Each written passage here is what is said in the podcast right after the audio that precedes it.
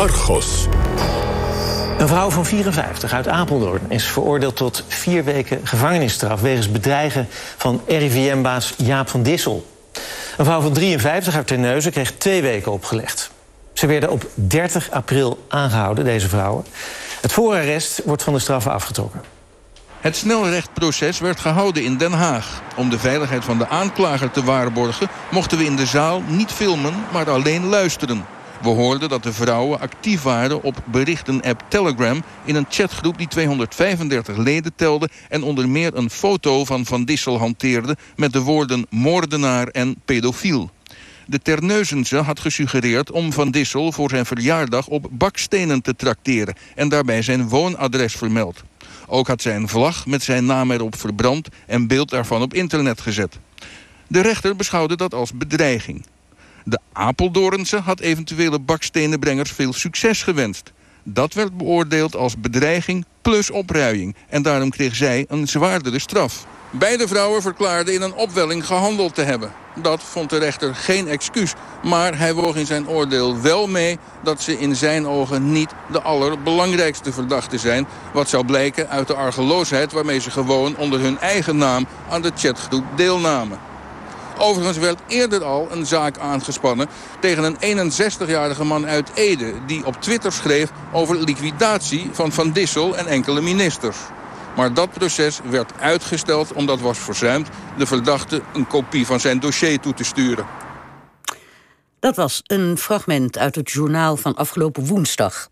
Twee vrouwen die eind april RIVM-directeur Jaap van Dissel bedreigden... werden in een snelrechtprocedure bij de Haagse rechtbank...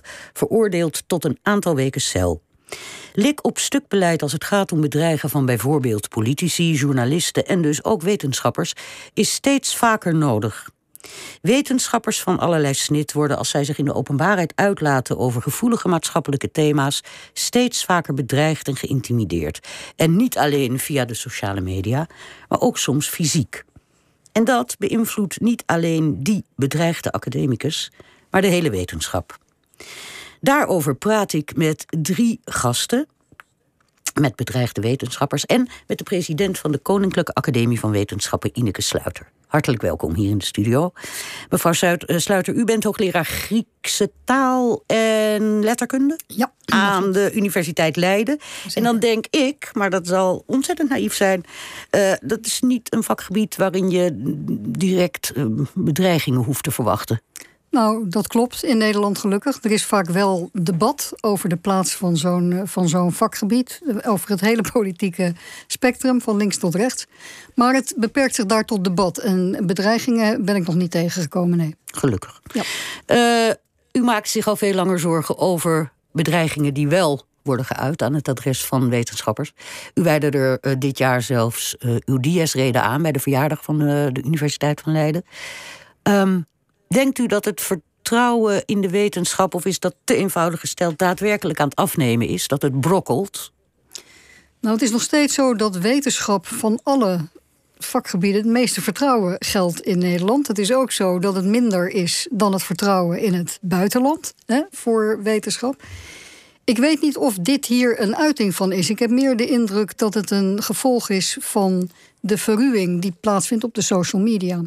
Oké. dat is ook waar je die bedreigingen het meest aantreft. Want dat is ook meteen een vraag of dat die bedreigingen en die intimidaties erger zijn dan voorheen. Of dat het gewoon veel meer gezien wordt, dat het publieker is. Ja, ik heb al eerder gezegd, ik zou het heel goed vinden als hier wat meer systematisch onderzoek naar gedaan werd, zodat we de omvang van het probleem beter in kaart Want hebben. Want dat is eigenlijk nog niet heel goed zichtbaar. Dat is in Nederland nog niet goed gedaan. En niet voor die groep wetenschappers, wat daarmee aan de hand is. In het buitenland is wel wat onderzoek gedaan. Uh, er is anekdotische evidentie, dus mensen vertellen hun verhalen en ervaringen en die zie je ook. En dat is ernstig, dus ik vind dat er alle reden is om, om er wat aan te doen. Uh, ik denk dat de grotere verbreiding van het gebruik van social media mm -hmm. inderdaad wel een factor is in hoe groot wij nu waarnemen dat dit probleem is. En uh, binnen dat probleem wat zo groot is, betreft het, dat is dan weer een, een onderdeel van het probleem, en dat constateert u, heel vaak vrouwen. Ja, ook daar weet ik niet zeker. Is, nee, dat, dat heeft u niet natuurlijk echt uh, uh, onderzoek naar gedaan. Maar dat is ook wel wat ik, als ik gewoon als krantenlezer de boel een beetje volgt, dat is wel het beeld wat ontstaat. Nou, ik denk dat mannen en vrouwen slachtoffer zijn van deze vormen van intimidatie en geweld. Het hangt er, dus verbaal geweld, mhm. dreiging met geweld. Het hangt erg van het vakgebied af. Hè. Hoe verder het afstaat van onze maatschappij en ons dagelijks leven en de problemen waar we mee geconfronteerd worden. Astronomen die hebben niet zo vaak last, zal ik maar zeggen. Dat is ook niet te verwachten.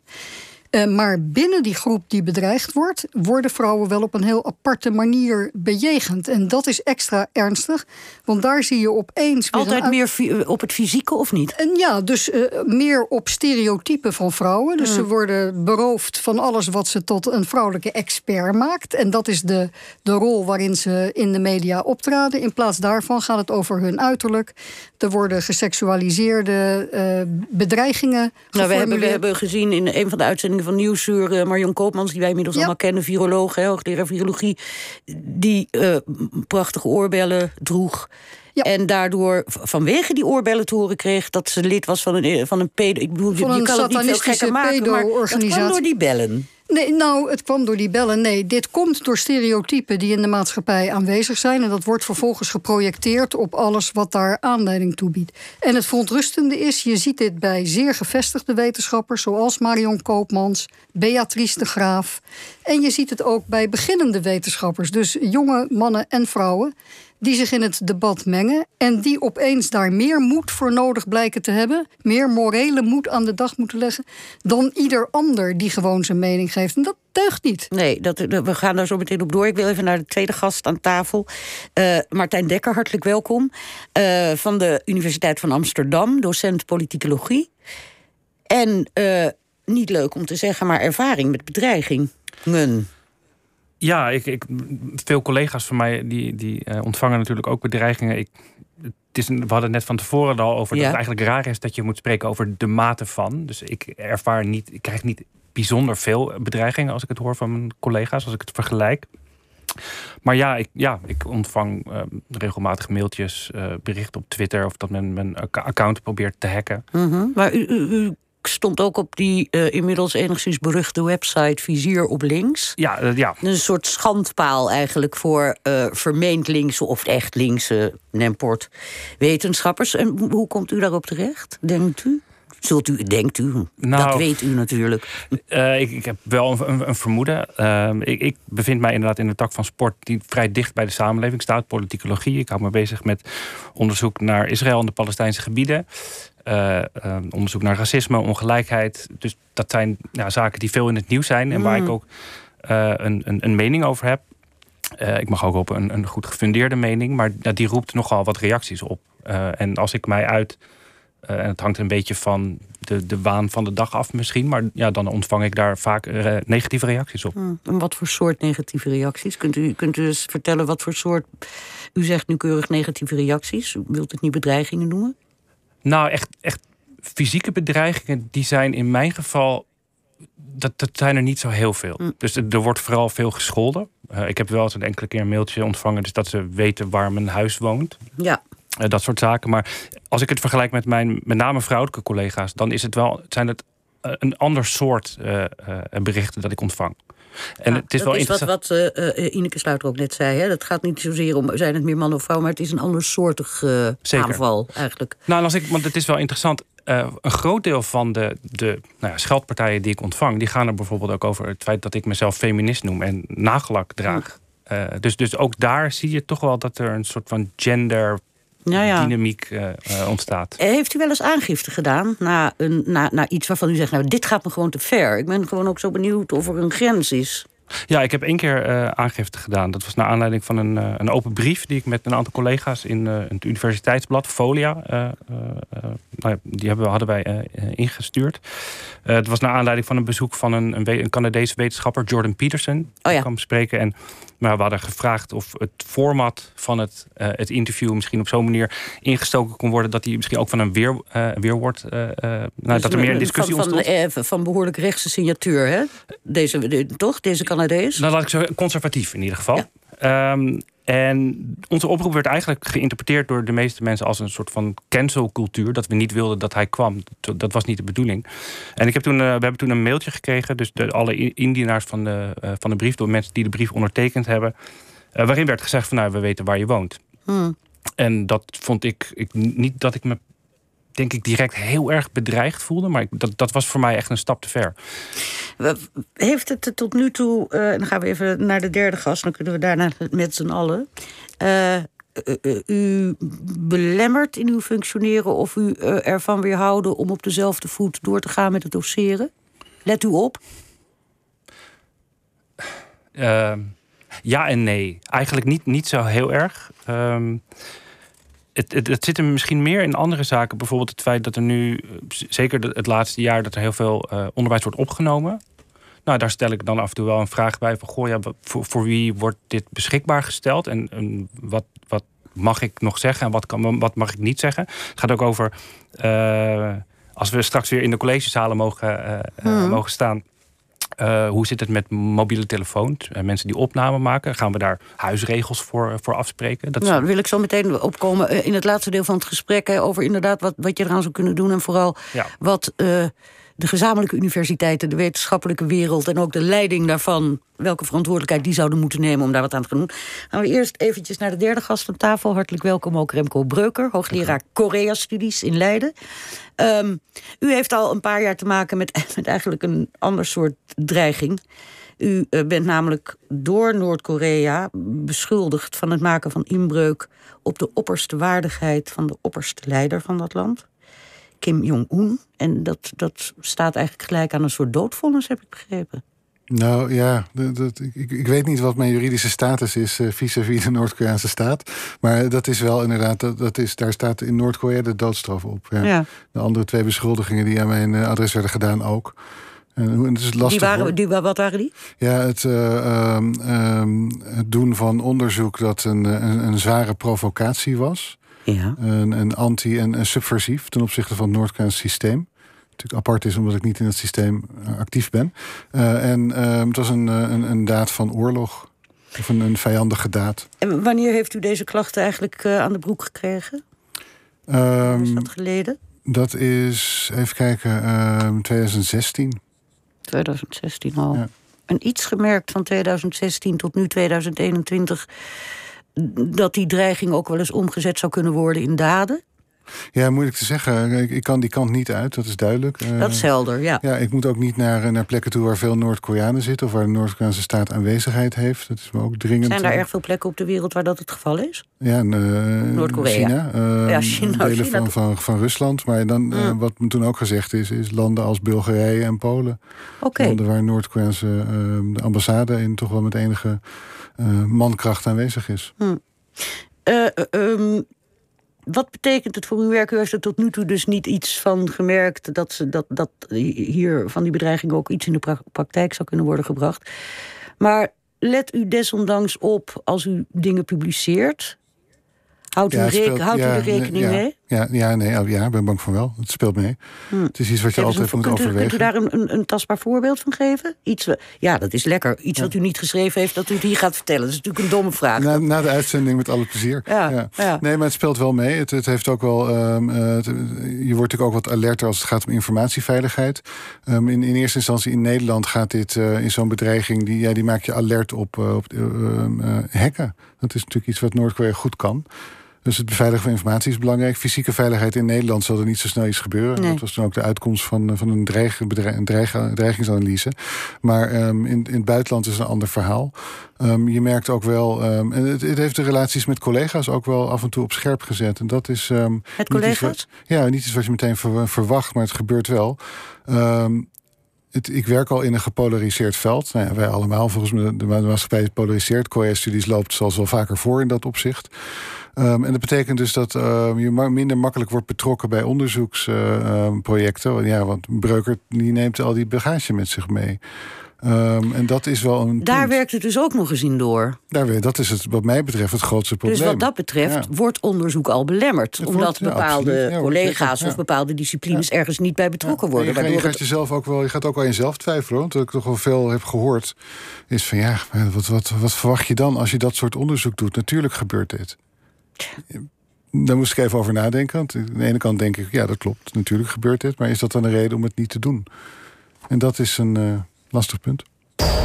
NPO Radio 1. Argos. Ja, Argos over bedreigingen richting wetenschappers die steeds vaker voorkomen en daarmee impact hebben. We horen het net op de uitoefening van wetenschap. Ik praat daarover met Ineke Sluiter, president van de KNAW, dat is de Koninklijke Academie van Wetenschappen. Remco Breuker, hoogleraar Korea-studies aan de Universiteit Leiden. En met Martijn Dekker, docent politicologie aan de Universiteit van Amsterdam. Even zeggen dat onze redactie de afgelopen dagen ontzettend haar best heeft gedaan om zoveel mogelijk bedreigde wetenschappers te spreken. De weerslag daarvan kunt u lezen op, eh, op onze site, argosonderzoekt.nl. Maar wat hen opviel was dat er echt bijna niemand was die wel met hem wilde praten, maar vervolgens ook hier wilde eh, te gast wilde zijn in het programma. En veel gehoorde reden is dat elk media optreden een trigger kan zijn, waar we het net al over hadden. En mevrouw Sluiter, Ineke Sluiter, dan gebeurt dus precies waar u en anderen al bang voor waren. Namelijk, het heeft effect, die intimidatie. het heeft zonder enige twijfel effect. Dus dit is een vorm van zelfcensuur. Jezelf onttrekken aan die publieke waarneming, omdat je een groot gevoel van onveiligheid ervaart. En dat is natuurlijk heel erg kwalijk, want het is niet voor niks dat we juist deze mensen ook graag aan tafel willen hebben. Ze hebben wat te vertellen. Mhm. En je mist dat dus. Dus behalve dat het bij hen zelf een symptoom is van die sociale onveiligheid. En dat vind ik op zich al heel ernstig, hoe zij daarin worden aangetast in dat uh, het gevoel van veiligheid dat je hoort te hebben. Is het ook nog eens zo dat ons publieke debat verarmd raakt door de gevolgen van dit soort dreigementen. Martijn Dekker zit, zit, zit enorm te knikken, ja? Ja, absoluut. Ik, ik, want ik was, van tevoren had ik er ook eh, even over nagedacht, omdat het mij ook werd meegegeven. Van, nou, veel collega's van je die, die hebben toch afgezegd. En ik dacht, ja, waarom ga ik er dan eigenlijk wel zitten? En nou, ik, ik, denk vooral om twee redenen. Ten eerste dus dat ik inderdaad een, een, witte man ben. En daardoor dus echt minder en ook een heel ander soort commentaar over me heen krijg. Iets wat ik heel makkelijk kan mhm. negeren eigenlijk voor mij. En ik ben ook niet per se een heel high profile uh, persoon aan de universiteit. Dus, dus voor mij, voor mij ik, ik voel dit niet zo, maar ik voel wel de noodzaak om, dus, om dit uit te spreken. Met name dus voor de collega's die er echt heel erg veel last van ondervinden. En die verarming waar mevrouw Sluiter het over heeft van het debat, hè, van het maatschappelijk debat. Als het dus zo zou zijn dat ehm, eh, wetenschappers die onderzoek doen. Ehm, en, en uit dat onderzoek zou blijken dat iets wat van groot maatschappelijk belang is, anders ligt dan de politiek het bijvoorbeeld verkoopt. of dan men tot nu toe aannam. of in elk geval de ogen opent voor ook een andere kijk. Als dat niet meer voor het voetlicht gebracht kan worden. Is dat dan ook, denk jij, een, een, een, überhaupt een, een gevaar voor onze democratische. Ja. Nou ja, recht staat gewoon voor de democratie in Nederland. Als er zo'n belangrijke stem wegvalt. Het, het, klinkt heel zwaar, maar ja, ja, absoluut. Want we hebben dat nodig. Klinkt het te zwaar, mevrouw Sluiter? Of is dit een reëel nou, het punt is, we hebben een kennissamenleving. Dat willen we hebben. We hebben in Nederland niet veel grondstoffen, maar kennis is onze grondstof. En het is vaak niet eens zo dat daar standpunten naar voren komen die uh, de politiek totaal de andere kant op zouden bewegen. Maar ze zijn, het, het, gaat vaak om interpretaties, want we hebben te maken met maatschappelijke vraagstukken. En die wil je met elkaar in gesprek brengen. Dus die debatcultuur, dat is het fundament van onze kennissamenleving. En dat betekent dat wetenschappers, of ze meer progressieve of meer conservatieve standpunten hebben, met elkaar in gesprek moeten kunnen gaan. En op dit thema, dus die, uh, die sociale veiligheid online, dit, daar vinden we elkaar absoluut in. En daar moet de academie ook een gesloten front Oké. dus, dus hoezeer we het ook met elkaar inhoudelijk oneens, oneens kunnen zijn. zijn. Uh, die, de intimidatie en de bedreiging waar we het over hebben, die uh, vinden niet uh, alleen buiten de muren van de, of komen niet alleen van buiten de universiteit. Dat bewijst het verhaal van eh, docent publieksgeschiedenis aan de Universiteit van Amsterdam. Dat is Arjen Nobel. Als het goed is, even aan de telefoon. Ja, klopt. Dag, meneer Nobel. Anderhalf jaar geleden, dit is even om een voorbeeld te geven, om iets een beetje uh, te illustreren. Gaf u aan eerstejaarsstudenten les in de geschiedenis van de geschiedschrijving. En toen gebeurde er wat raars. Wat gebeurde er? Ehm, nou, het, was eigenlijk, het begon eigenlijk met ehm, meldingen die ik kreeg ehm, in eerste instantie over mijn LinkedIn-profiel, wat heel vaak bezocht zou worden. Echt absurd vaak. Na, na, die, na die, dat ene college? Ja, nou ja, goed. Ik, na, na, inderdaad, na dat college. En ik had het eigenlijk niet zo door. Dus misschien uh, de eerste of de tweede week daarna uh, werd mij dat een beetje duidelijk van hier is iets geks aan de hand. Uh, mijn mailbox begon vol te stromen met allerlei spammail. Nou ja, daar denk je ook in eerste instantie niks geks achter. Um, maar vervolgens werd ik door collega's erop gewezen dat mijn naam genoemd werd op een Facebookgroep getiteld uh, Stop de linkse indoctrinatie op mijn universiteit. En, uh, en vervolgens kreeg ik ook allerlei mailtjes gewoon concreet aan mij gericht. met teksten als het is een schande dat u op de universiteit werkt en u zou direct ontslagen moeten worden. Hmm. En, en, en, en wat heeft u gedaan? Bent u gaan nou, onderzoeken waar het vandaan kon komen? um, ik was al, het, het, werd al gauw duidelijk um, via, die, uh, via die Facebookgroep dat het uh, te maken had met opmerkingen die ik gemaakt had in het college. Um, en dat college ging onder andere over gebruik en vooral ook misbruik van geschiedenis door politici. dat was een, een, klein onderdeel van het college en ik had een aantal concrete voorbeelden genoemd en onderbouwd. En nou, vervolgens uh, is dat dus op die Facebookgroep gegooid. En met alle gevolgen van dien. Nou, zal ik heel eerlijk zeggen. En mijn verhaal is in die zin een beetje vergelijkbaar met dat van Martijn Dekker. voor mij viel het eigenlijk reuze mee. Maar het geeft je gewoon een heel vervelend gevoel. En ik ben natuurlijk um, eerst in eerste instantie op zoek gegaan... ja, wie hebben dat gedaan? Nou, daar kom je niet achter. Nee, je wist wel, u, u, u, u, wist, dit moet wel gewoon van een van mijn studenten komen. Dit komt uit de collegebanken. Er is iets... Ja, nou, dat, dat wist ik al snel doordat de tekst um, op, op, op Facebook uh, was wel duidelijk dat het door iemand geschreven was die bij het college aanwezig was. Het was een hele vage tekst overigens, maar um, ik dacht, ja, dit, dit, moet iemand zijn die bij het college geweest is. En uh, wat ik toen gedaan heb is, uh, ik denk nou, ik, ik kan uh, gaan uitzoeken wie dit gedaan heeft. Dan kom ik er niet achter. Ehm, ik kan het ook tijdens het college bespreekbaar gaan maken. Ja. En ehm, wat ik toen gedaan heb is gewoon het allerlaatste college heb ik... het laatste half uur heb ik daarvoor ingeruimd en heb ik gezegd... nou, beste mensen, met een, om met een beroemde historicus te spreken... geschiedenis een discussie zonder eind... En dat is eigenlijk ook het kenmerk van de universiteit. De debatcultuur waar het net al over ging. Mm -hmm. En dat is ook het mooie van de universiteit. We mogen het hardgrondig met elkaar oneens zijn. Uh, maar uh, we mogen en we kunnen in Nederland die discussie voeren. Ja. En laten we dat dan ook doen. Ik zeg nou, en, en toen heb ik gewoon een screenshot laten zien van wat er over mij gepost was. Ik zeg, ja, dit hoort daar dus niet bij. En iemand die dit soort dingen doet, hoort wat mij betreft gewoon hier niet thuis. Want als je wat tegen mij hebt, dan... En als je het met mij oneens bent, dat mag. Goed, dus u heeft het gewoon proberen op te lossen... door het uh, in, in, het college ja. weer bespreekbaar te maken, begrijp ik. Heel bedankt voor uw verhaal. Ga ik even naar uw collega die hier inderdaad zit, meneer Dekker... Uh, van dezelfde uh, universiteit. en een beetje hetzelfde verhaal. Heeft u het idee dat de UvA u voldoende steun heeft gegeven in deze? Heeft u daar eigenlijk niet ook bewust om gevraagd? Nou, dat, dat, okay, dat laatste inderdaad. Ik heb daar niet bewust om gevraagd. Omdat ik het inderdaad ook enigszins probeerde af te schudden... en er misschien mm. wat laconiek mee, mee ben omgegaan. Ik, ben, ik, heb, ik ga vaak ook een beetje lacherig nee, nou dan, kan, dan, kan ik, dan kan ik u eigenlijk ook niet vragen... of u vindt dat u voldoende steun heeft als je de steun niet vraagt. Nee, dat, maar tegelijkertijd um, zie ik dus nu dat collega's, bijvoorbeeld ja. Sarah de Lange, uh, waar, waar de universiteit zich expliciet over heeft uitgesproken: van dit doen we niet. Uh, dat is bij mij niet gebeurd. Maar ik vond het wel heel fijn om te zien dat dit wel gebeurde. Vertel eventjes, want niet alle luisteraars zullen weten, Sarah de Lange. Uh, Sarah de Lange is een collega van mij, ook uh, politicoloog. Hij doet onderzoek naar onder andere radicaal rechts. Mm -hmm. um, onder andere in Nederland. En uh, zij heeft uh, steun uitgesproken voor andere collega's die die uh, bedreiging hebben ontvangen. En haar profiel is toen ook op vizier op, op links verschenen. En zij heeft naar aanleiding daarvan ja, dagenlang de meest verschrikkelijke dingen En toen heeft de universiteit ook wel gezegd: zo, dit, dit, hier, dit pikken wij niet. Ja. Oké, meneer Breuker. de universiteit, of universiteiten verwachten eigenlijk en willen ook heel graag dat hun mensen naar buiten treden. Hè, de onderzoekers, dat die veel met het publiek delen. Dat die ja. Ivoren Toren van vroeger, waar de wetenschappers zaten en uh, in onbegrijpelijke taal gezellige discussies met elkaar, die, dat moest voorbij zijn.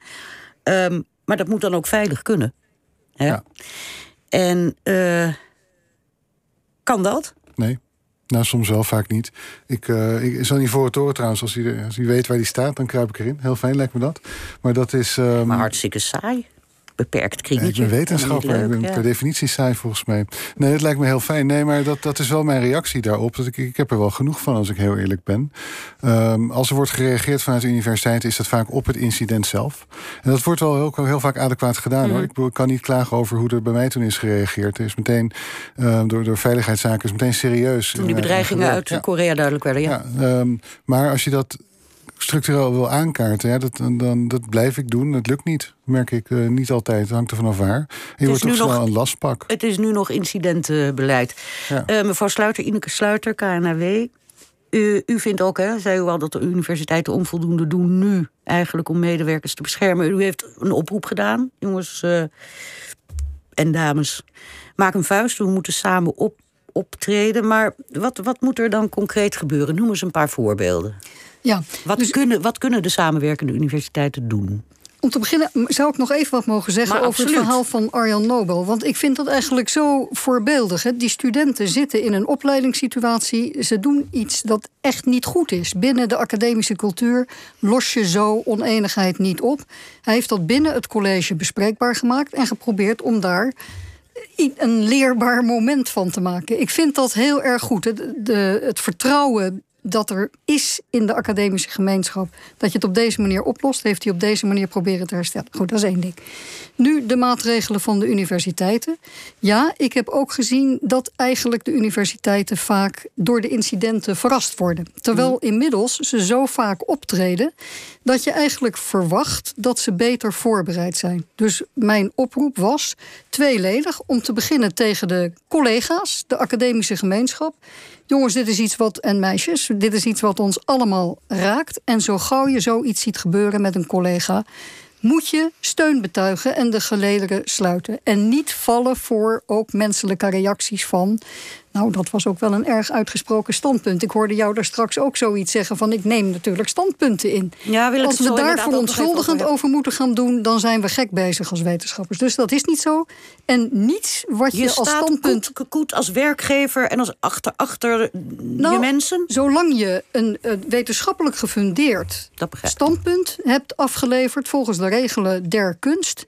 Ja, heb je het volste recht om dat te doen en dien je onvoorwaardelijk gesteund te worden in je recht om dat standpunt naar buiten te brengen. Dat wil niet zeggen dat mensen met je eens hoeven te zijn. Nee, maar goed, dat, dat laat ook, herhaal dat vaak, want daar gaat het inderdaad ik blijf dat, uh, ik blijf dat vaak zeggen.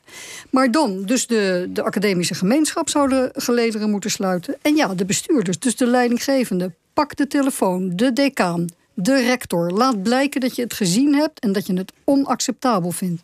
Maar er is ook een heel rijtje dingen die je bewijzen van checklist zou kunnen doen. Wat is er gebeurd? Kun je even screenshots en dergelijke maken, zodat het bewijs is veiliggesteld voor als er wat mee moet. In welke gevallen moet je aangifte doen? Wat voor andere maatregelen staan je ten dienste? Ik vind dat daar uh, gewoon een, een handreiking een handleiding. Zijn, zodat wanneer iemand zegt: kijk nou eens wat me is gebeurd, er meteen iemand zegt: dan gaan we het nu zo aanpakken. En je die veiligheid en de steun geeft. En dat zou, daar zou ook in passen wat Remco Breuker al eerder zei...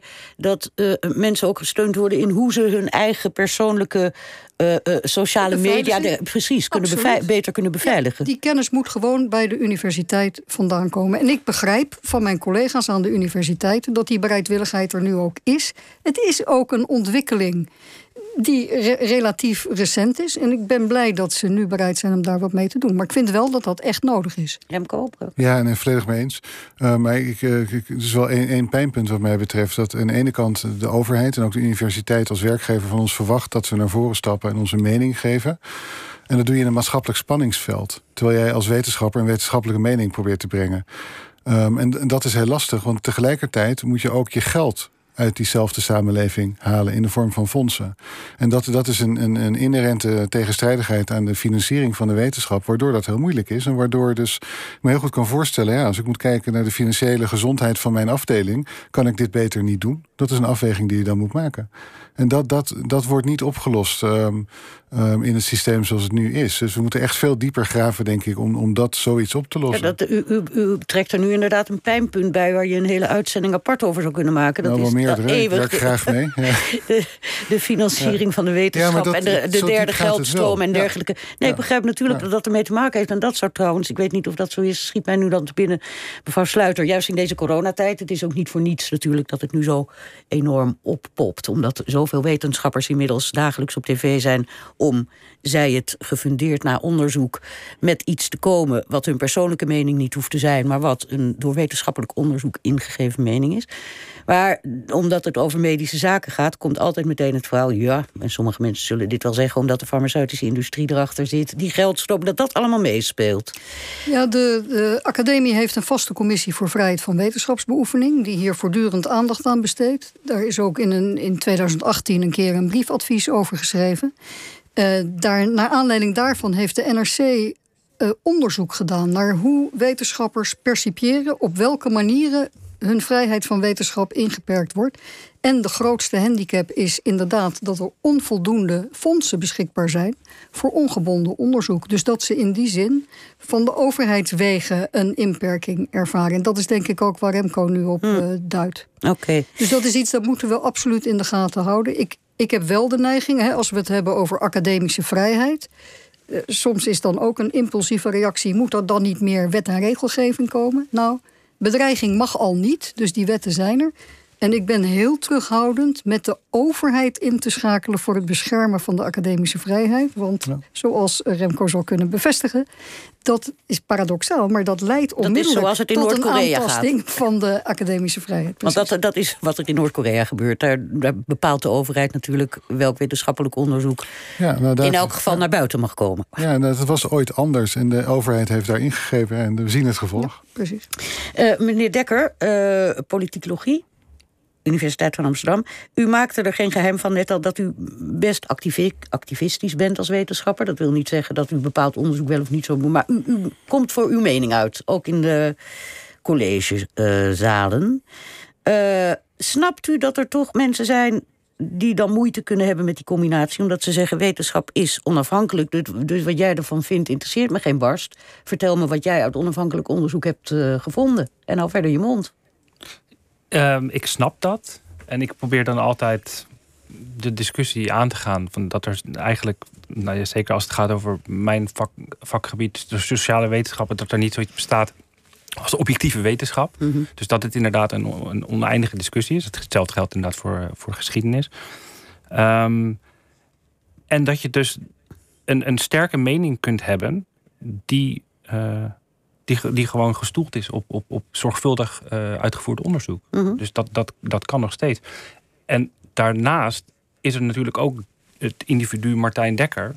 Uh, uh, ik mag ook gewoon stemmen. Dus ik heb inderdaad ook gewoon mijn mening. En daar mag ik ook voor uitkomen. En um, ik ik geef ook wel eens mijn mening over zaken waarvan ik nou niet per se uh, op. Het is niet, niet mijn expertise. Maar mhm. dat, dat mag ik natuurlijk nog steeds ook doen. Natuurlijk. Stel je voor, het gaat mij erom dat in, in, in verwarrende tijden en mensen die uh, uh, niet met een half oog lezen, maar met een heel hoog oog half lezen en niet aan een half woord genoeg hebben, er kan verwarring ontstaan. Moet je daar voorzichtiger mee zijn om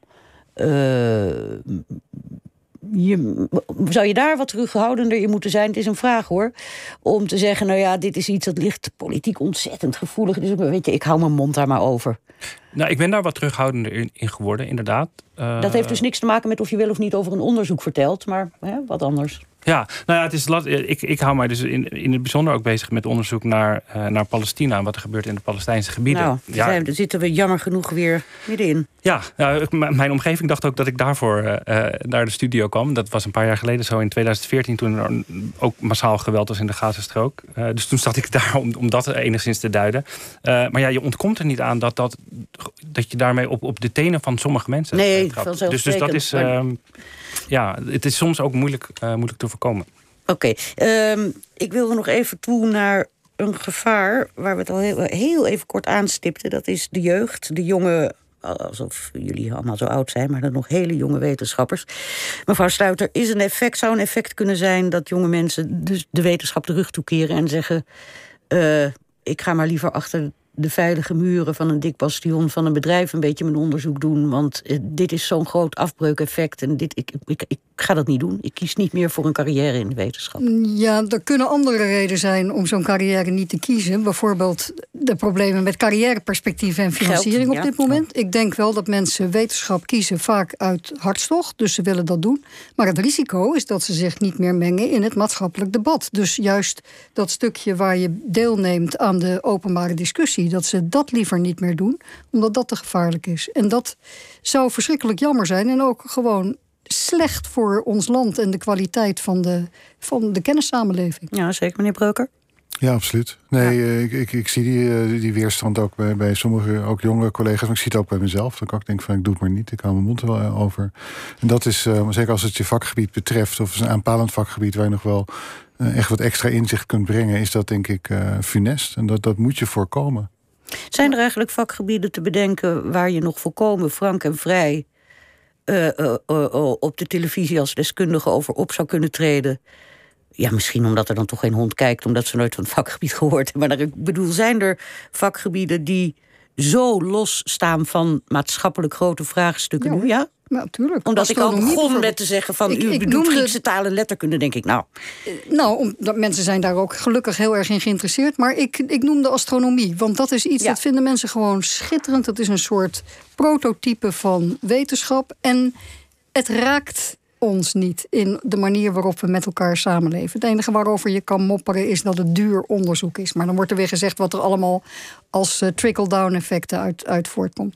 Nog één ding over wat Martijn net zei. Dus er is natuurlijk wel verschil tussen academische vrijheid, dus de dingen die je zegt en doet en publiceert uit hoofden van je academische expertise, en vrijheid van meningsuiting. Tuurlijk. En zolang je daar zelf duidelijk het onderscheid in blijft aangeven, uh, wil ik jullie ook oproepen. Je zijn allebei belangrijke stemmen in het, in het publieke debat.